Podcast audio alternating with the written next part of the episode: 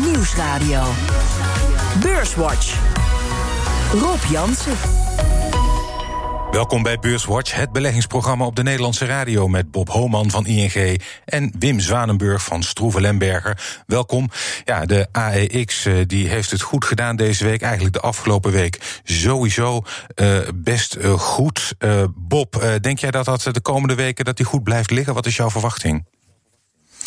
Nou, ik denk dat um, de beurs op dit moment wel erg vooruitlopen op, uh, op economisch herstel. En ook dat uh, beurzen op dit moment ja, volledig gedreven worden door uh, centrale banken hè, die heel veel opkopen. Hm. En dat moet straks een keer ondersteund worden door de echte economie. En dat duurt denk ik toch wat langer dan uh, waar iedereen nu op, uh, op rekent. Dus ik vind dat de beurs wel erg vooruit loopt op het economische herstel. Dus nee, ik verwacht niet dat het in dit tempo verder kan. Wim, denk jij dat ook? Dat het uh, voorlopig wel even gebeurd, uh, gebeurd is met die stijgingen? Nee, ik uh, zit er wat positiever in.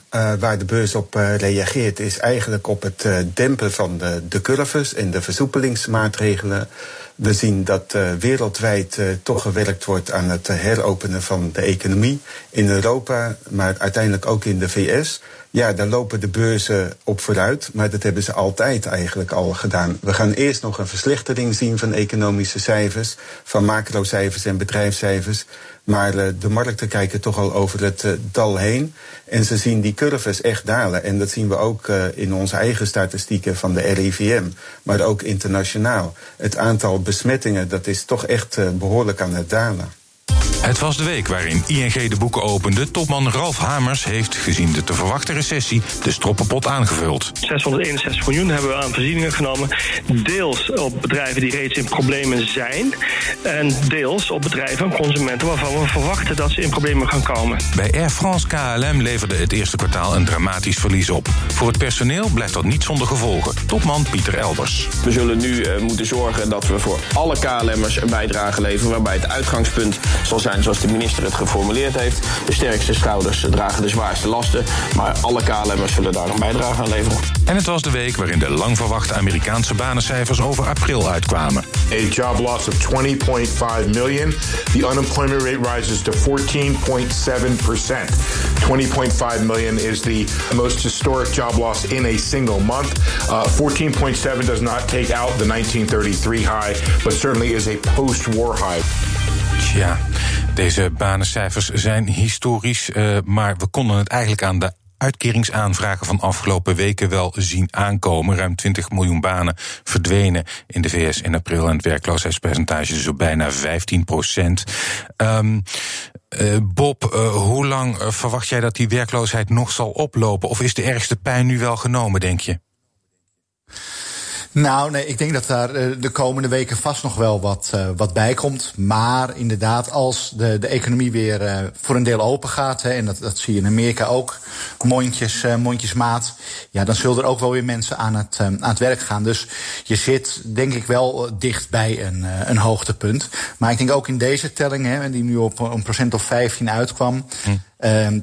werd al aangegeven, ja, in werkelijkheid is het waarschijnlijk nog ietsje uh, slechter, omdat een, een hoop uh, aanmeldingen niet zijn, uh, zijn binnengekomen. Dus wij denken wel dat het op gaat lopen richting de 20 ja.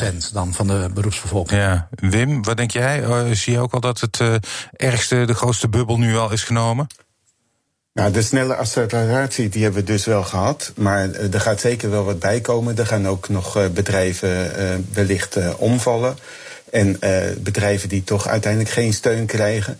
Dus het zal waarschijnlijk nog eh, de komende maanden wel iets oplopen. En ik eh, ben het ook met Bob eens. Dat zag ik ook vanmiddag in de commentaren. Dat eh, de statistieken nog onvolkomen zijn. Dus die zullen waarschijnlijk ook nog naar boven toe worden bijgesteld. Als het gaat om werkloosheid en het totale aantal banenverlies. Ja, uh, ja, als we het hebben over faillissementen. We zagen al twee faillissementsaanvragen in Amerika deze week. Van grote winkelketens, Neiman Marcus en J. Crew. Um, als die werknemers ontslagen worden, ja, dan, dan heb je dus. daar zit iets permanents aan. Hoe, hoe groot achten jullie de kans dat een flink deel daarvan permanent is? Wim. Nou ja, ik denk uh, inderdaad dat uh, je niet in één keer uh, weer terug zit op de, de, werkeloosheid van hiervoor, die op een record dieptepunt juist lag, hè, met 3% werkelozen. Nee, de, als dit over is, blijf je met weer meer werklozen zitten. En dat duurt denk ik wel een aantal jaar voor je dan echt weer helemaal op dat, uh, op dat oude niveau terug zit. En wat je ziet denk ik is dat het door deze crisis allerlei tendensen die er al waren, nou ja, zoals digitalisering, online winkelen, versnellen zich. En nou ja, dat hebben we in Nederland met V&D gezien. En dat zie je nu in Amerika met ketens die daar dan uh, waarschijnlijk de komende jaren even goed wel failliet waren gegaan. Maar door die crisis versnelt dat. Ja, en dan komt dat bij die, die hmm. toch al grote groep werkelozen. En dat betekent natuurlijk wel dat je ook een soort zelfversterkend effect uh, krijgt. Hè, want mensen die uh, werkloos raken geven minder uit. Dus dan wordt het ook hè, dat die economie straks niet meer in één keer, hè, die V-vorm waar veel mensen het over hebben, dat je in één keer weer op het oude niveau zit. Ja, dat sluiten wij eigenlijk uit. Ja, uh, dat, daar, gaat, daar gaan inderdaad steeds minder uh, economen nog van uit. Wim, uh, als jij kijkt naar de, de schade, hè, puur in termen van werkloosheid, economie, hoe, welk deel daarvan is permanent? Hoe, hoe, verwacht je, hoe zie jij dat herstel? Nou, we zien altijd dat die Amerikaanse arbeidsmarkt heel flexibel is, maar er is altijd natuurlijk sprake van een zogeheten mismatch of dislocatie. Als winkelpersoneel ontslagen wordt, die kan niet van de ene op de andere dag in de distributiecentra van de e-commerce, de online winkels, de online uh, distributiecentra worden ingezet. Dus uh, daar zal sowieso een tijdje overheen gaan. Maar uh, ja, de flexibiliteit van de Amerikaanse arbeidsmarkt die is altijd heel groot geweest. Ja. Dus ik ben daar uh, nou, redelijk optimistisch over. Uh, wat we nu zien is dat de bedrijven, grote bedrijven, ook overeind worden gehouden. Dat er geen permanente economische schade is, dat zeg maar uh, kritische infrastructuur wegvalt. Maar ik ben het ook helemaal met Bob eens. Er zijn natuurlijk uh, al transities uh, gaande. En die gaan nu wel in een hogere versnelling. En daar hoort uh, digitalisering, het online winkelen, het veranderen van consumptiepatronen. ja, die behoren daarbij. Ja, om de economie. wat misschien nog bijzonder is erop aan die, ja. aan die werkloosheidscijfers. Je zag de uurlonen op jaarbasis, gemiddelde uurlonen, met bijna 8% oplopen. En dat betekent dus dat de ontslagen vooral aan de onderkant uh, van de arbeidsmarkt vallen, de, de laag uh, betaalde banen. En die zijn over het algemeen, uh, vinden die mensen ook weer iets moeilijker een baan dan de bovenkant van, van de arbeidsmarkt. Ja, um, om de economie in de eurozone te steunen heeft eh, de ECB eh, flink uitgepakt, al eh, jaren geleden, met het opkopen van staatsobligaties. En daar heeft het Duits grondwettelijk Hof deze week nogal wat vraagtekens bij gezet. En dat terwijl dat opkoopprogramma al door het Hof van Justitie van de EU was goedgekeurd. Duitse rechters die zeggen dat het Europees Hof dat willekeurig heeft gedaan, niet voldoende onderbouwd. En in principe mag de Bundesbank dan eigenlijk niet meewerken aan het opkoopprogramma. Uh, Bob, wat dacht jij toen je die uitspraak van de Duitse rechters zag? Nou ja, toen dacht ik, ja, dit is niet goed voor Europa. Uh, want dat, geeft de verdeeldheid, denk ik, uh, denk ik aan. Um, maar tegelijkertijd dacht ik, ja, het, voor het huidige opkoopprogramma, die 750 miljard, betekent het niets. Want dit is een uitspraak over uh, de rechtmatigheid van het, uh, van het vorige. Uh, ik denk ook dat de Bundesbank, ja, die kan dan nog bepalen naar wie ze luistert. Naar de Europese rechter of naar de Duitse rechter. Dus dat denk ik niet dat zo'n vaart loopt. Maar het geeft wel aan, denk ik, dat de eensgezindheid in Europa nog steeds heel erg laag is. En ja, dat, uh, dat, dat zie je denk ik ook terug in bijvoorbeeld risicopremies op Italiaanse staatsobligaties. Die op dat, op dat moment wat oplopen. Maar ook weer niet zodanig nou, dat ze erop Op weekbasis, uh, Bob, is dat toch eigenlijk uh, gering geweest.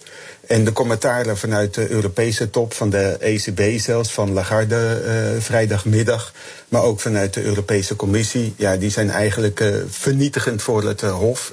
je zegt ook terecht dat het eigenlijk een zaak betreft die al in 2015 speelde, althans over het programma van 2015. En daar heeft het Europese Hof al een uitspraak over gedaan en heeft de aanklagers toen in het ongelijk gesteld.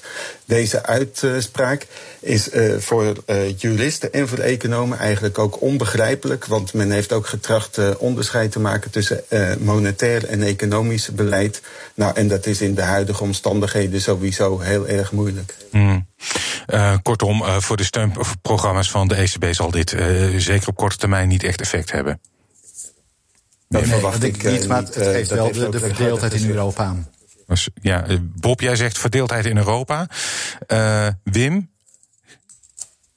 ja, ik denk dat uh, eigenlijk vond ik de reacties uh, tamelijk uh, eens, eensgezind. En in Duitsland is het politieke wel moeilijker voor, voor Merkel en voor de Bundesbank. En vooral Jens Weidman, die komt in een, in een spagaat. Maar ik denk uiteindelijk, Duitsland is altijd toch, voor de, zover het de regering betreft, echt pro-Europees geweest. Mm. En ik denk dat dit met de sissen gaat aflopen. Ja. Dat denk ik ook overigens, ja. ja. Um, komen we uh, bij de beurs. We hebben het uh, altijd uh, aan het begin vraag ik jullie altijd even in de glazen bol te kijken. Um, we zitten in een historische recessie. De beurzen blijven goed draaien. Wim, jij staat er positief in. Jij zegt ze kijken voorbij het dal. Um, maar Um, is het dal, uh, kunnen ze de diepte van het dal wel goed uh, inschatten? Dat is eigenlijk mijn vraag. Want eigenlijk snapt, ja, veel mensen snappen gewoon niet hoe dit aanhoudend hoe, hoe, ah, nee, hoe die koers precies, hoog blijft. Het is, ook best snel gegaan, maar het is ook snel naar beneden gegaan en snel uh, naar boven. Overigens zijn we dan op ongeveer eh, de helft van het uh, niveau uh, teruggekomen. Mm. Dus er is ook nog wel schade aan de beurs. Het is niet zo dat de beurzen nu opnieuw op een all-time high staan. Nee. Dat geldt overigens wel voor de technologiegedreven Nasdaq. die staat zelfs year to date in de plus. Ja. En zeker als we daar naar het onderdeel van de Nasdaq 100 kijken. Veel technologiefondsen laten ook uitstekende winstgroei en uitstekende omzetgroei zien. En we zien dat die digitalisering, zoals dat al uh, aangeduid is, genoemd is, dat die juist een uh, versnelling krijgt. Ja. Dus de beurs die speelt ook in op de economische structuurveranderingen. Ja. En Bob, um, ik, sommige analisten die gaan toch nog uit van een, van een tweede flinke tik uh, voor de beurs. Uh, hoe zie jij dat? Nou, een, een een, tweede tik, uh, ja, zou ik. Uh, hoort bij mij ook wel tot, uh, tot de verwachting. Hm. Die is overigens niet zo diep zal zijn, denk ik, als, uh, als de vorige. Maar wij kijken naar bedrijfswinsten. Nou, als je veronderstelt dat de economie op zijn vroegst in 2021 weer op het eind 2019 niveau is. En dan ben ik al behoorlijk optimistisch. Dan doen bedrijfswinsten er meestal twee keer zo lang over om te herstellen. Hm. Ja, dan zou je, als je dan nu uh, met een wereldindex een procent of negen lager staat dan begin van dit jaar, ja, dan uh, vind ik dat je er behoorlijk op vooruit loopt. En, en zeker ook hè, met. Uh, Weliswaar is de rente wat gedaald, en zeker in Amerika. Maar je mag ook toch aannemen dat het risico op aandelen wat groter is geworden. Want de toekomst is gewoon onzekerder. Neem alleen al een, een, vrij simpel vraagstuk van... krijgen we straks meer of minder files? Heb je ook, het is nu zo er zijn zo twee stromen op, op heel veel punten. dat je daar ook als aandeelhouder, denk ik, voor beloond wil worden met een extra risicopremie. Dus ik ben iets, uh, iets minder optimistisch.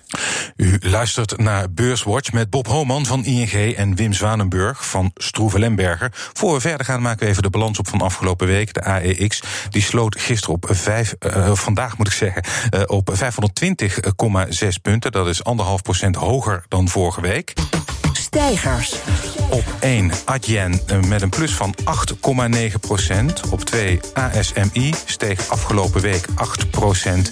En op 3 Prozus met een plus van 6,4 procent in de weektijd. En een midcap aandeel dat het best presteerde deze week was Grand Vision met een plus van 5,4 procent. Dalers.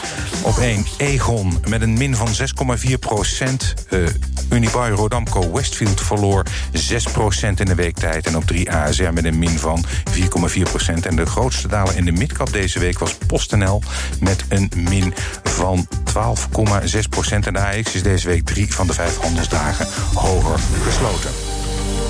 Ik wil even aftrappen als het naar de bedrijf gaan met cijfers van uh, Air France KLM. Um, en bij, daarbij kijken we niet alleen uh, naar die cijfers zelf, maar uiteraard ook vooruit. Wat, betreft, uh, wat dat betreft bieden de cijfers van Air France KLM, denk ik, niet zoveel hoop. Want een nettoverlies van 8 miljard euro. Uh, en in het tweede kwartaal, het lopende kwartaal, wordt het waarschijnlijk nog beroerder, denkt het bedrijf. Wim, um, dan trekken Nederland en Frankrijk ook nog eens gescheiden op bij de redding van het bedrijf. Hoe zie jij de toekomst van Air France KLM? Uh, nou, een hele moeilijke. Ze zullen het zeker eens moeten zijn, want het is uh, een gedwongen huwelijk. En uh, dat willen ze ook wel stand houden. de overheden willen die netwerken op termijn natuurlijk in stand houden. En die hebben ze samen op, opgebouwd. Daar zit ook waarde in, maar er zit heel veel frictie in. En ja. Ze, Air France KLM en KLM dan nu in Nederland krijgt leningen. Maar uh, ik denk dat een uh, aandelenemissie uh, onomkoombaar is om het op overeen te houden. En de luchtvaart die zal er nog heel lang over doen om volledig te herstellen.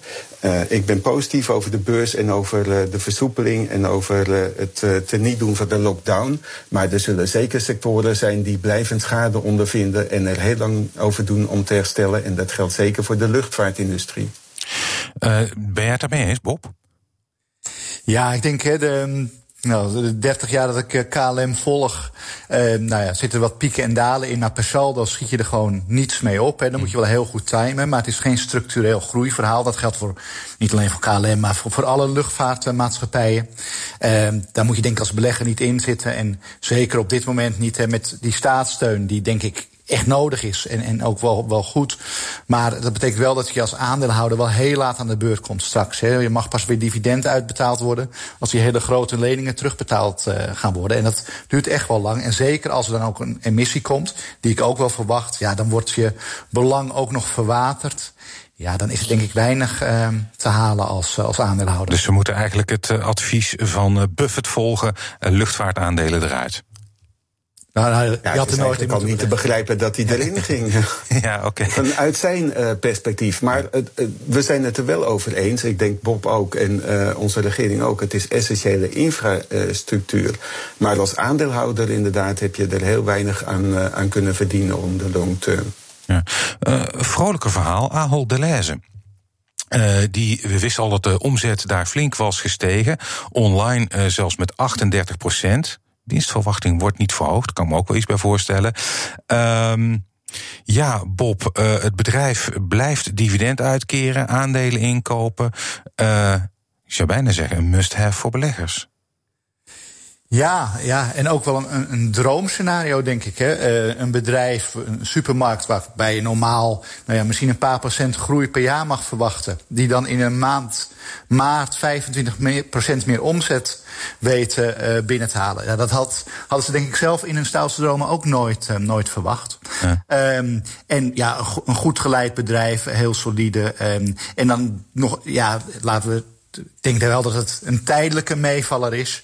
Uh, maar ze laten gewoon uh, zien dat ze goed gepositioneerd zijn. En, uh, en er uitstekend aan meedoen. Ook aan het online gebeuren. En dat is denk ik voor de toekomst, zeker met Amazon in Nederland, wel, wel erg belangrijk.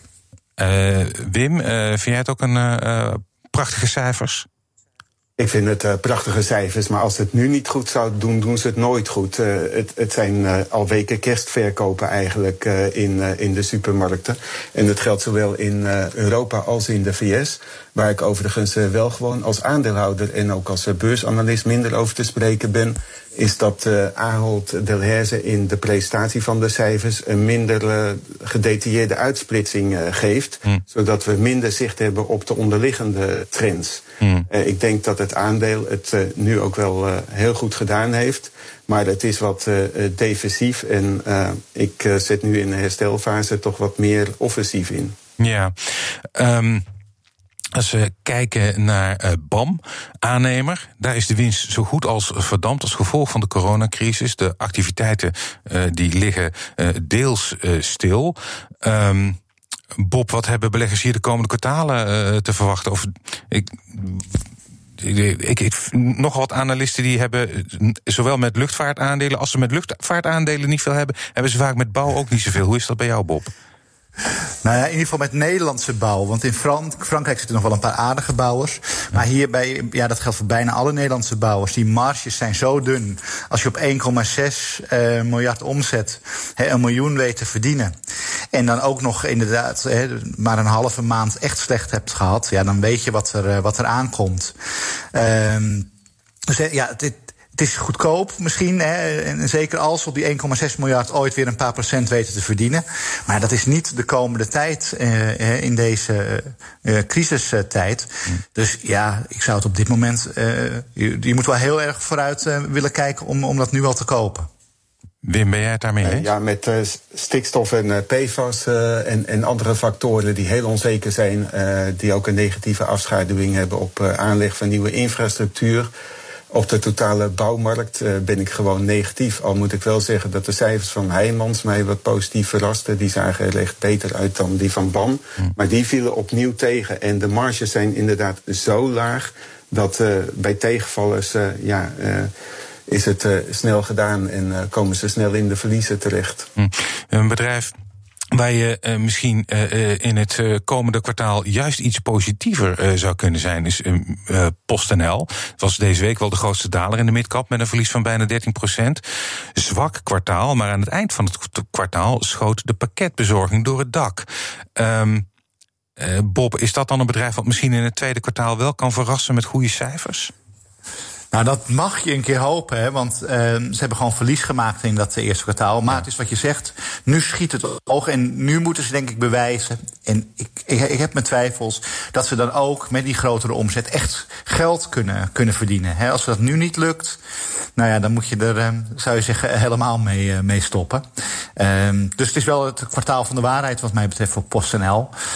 ja, ik ben er nooit gek van geweest, ik heb wel eerder gezegd. Ik vind de toetredingsbarrières in het pakjesbezorgen zo klein, hè, ondanks dat er wel techniek bij komt, uh, komt kijken, hm. dat ik niet denk dat je daar echt het verschil kunt maken. Uh, Wim, uh, wat denk jij voor het komend kwartaal voor PostNL? Nou, ik ben het helemaal met Bob eens. het is ook voor mij geen favoriet, al geruime tijd niet. en ja, als je nu niet profiteert, voldoende profiteert van de groei van online winkelen en bezorging, wanneer dan wel? Ja, um, kortom, um, dat is dus uh, nog maar even uh, aanzien. Dat mogen ze dus dit kwartaal gaan uh, bewijzen. We zijn alweer bijna aan het einde van de uitzending. En dat betekent dat jullie een tip mogen geven voor de luisteraar. Bob, wat is jouw kooptip voor de luisteraar? Nou ja, altijd binnen een goed gespreide portefeuille uiteraard. Maar um, in de technologie-sfeer uh, Cisco. Um, het wordt ook wel de loodgieter van het internet uh, genoemd. En zeker nu met veel thuiswerk in de westerse wereld. Er worden veel routers en dergelijke verkocht. Je betaalt 13,5 keer de winst, 3,5% dividend. En het heeft nog niet echt uh, meegedaan met de tech-rally die, die Wim net eerder beschreef. Ja. Dus dat is een kanshebber in mijn ogen. Ja, Wim. Warren Buffett zit op 137 miljard dollar. Hij weet nog niet precies waar hij het aan moet uitgeven. Maar jij hebt nu een tip voor hem. Ja, ik zou het, uh, zoals eh, Bob zegt, inderdaad wat uh, breder gespreid. Maar zeker toch in die technologiehoek zoeken. ik ga voor de Nasdaq 100. Daar zijn indextrekkers op van iShares en ook van Invesco. Tickersymbols zijn E en dan drie keer Q of C en DX. Als beleggers dat op willen zoeken. En de Nasdaq 100, daar zitten partijen in als Microsoft, Apple, Amazon, Facebook, Alphabet maar ook nog Intel, Netflix, Nvidia. Maar zelfs ook uh, wat meer uh, biotech en zelfs PepsiCo zit nog in de top 10. Uh, eh, in dit geval dus wel een, een, een, trekker die zwaar technologie gedomineerd is. Want de digitaliseringstrend die heeft ons in deze crisis overeind gehouden. En zal ook de komende jaren ja, de beursresultaten domineren, denk ik. Dankjewel. Twee technologie-tips uh, voor beleggers. Hartelijk dank, uh, Wim Zwanenburg van Stroeven Lemberger en Bob Homan van ING. Dit was BNR Beurswatch. Als u wilt reageren, dan kunt u een mailtje sturen naar beurswatch.bnr.nl. U kunt ook tweeten naar Rob En u kunt de uitzending uiteraard terugluisteren. Dat kan via de site, de BNR-app, de Apple Podcast-app of Spotify. En graag tot volgende week.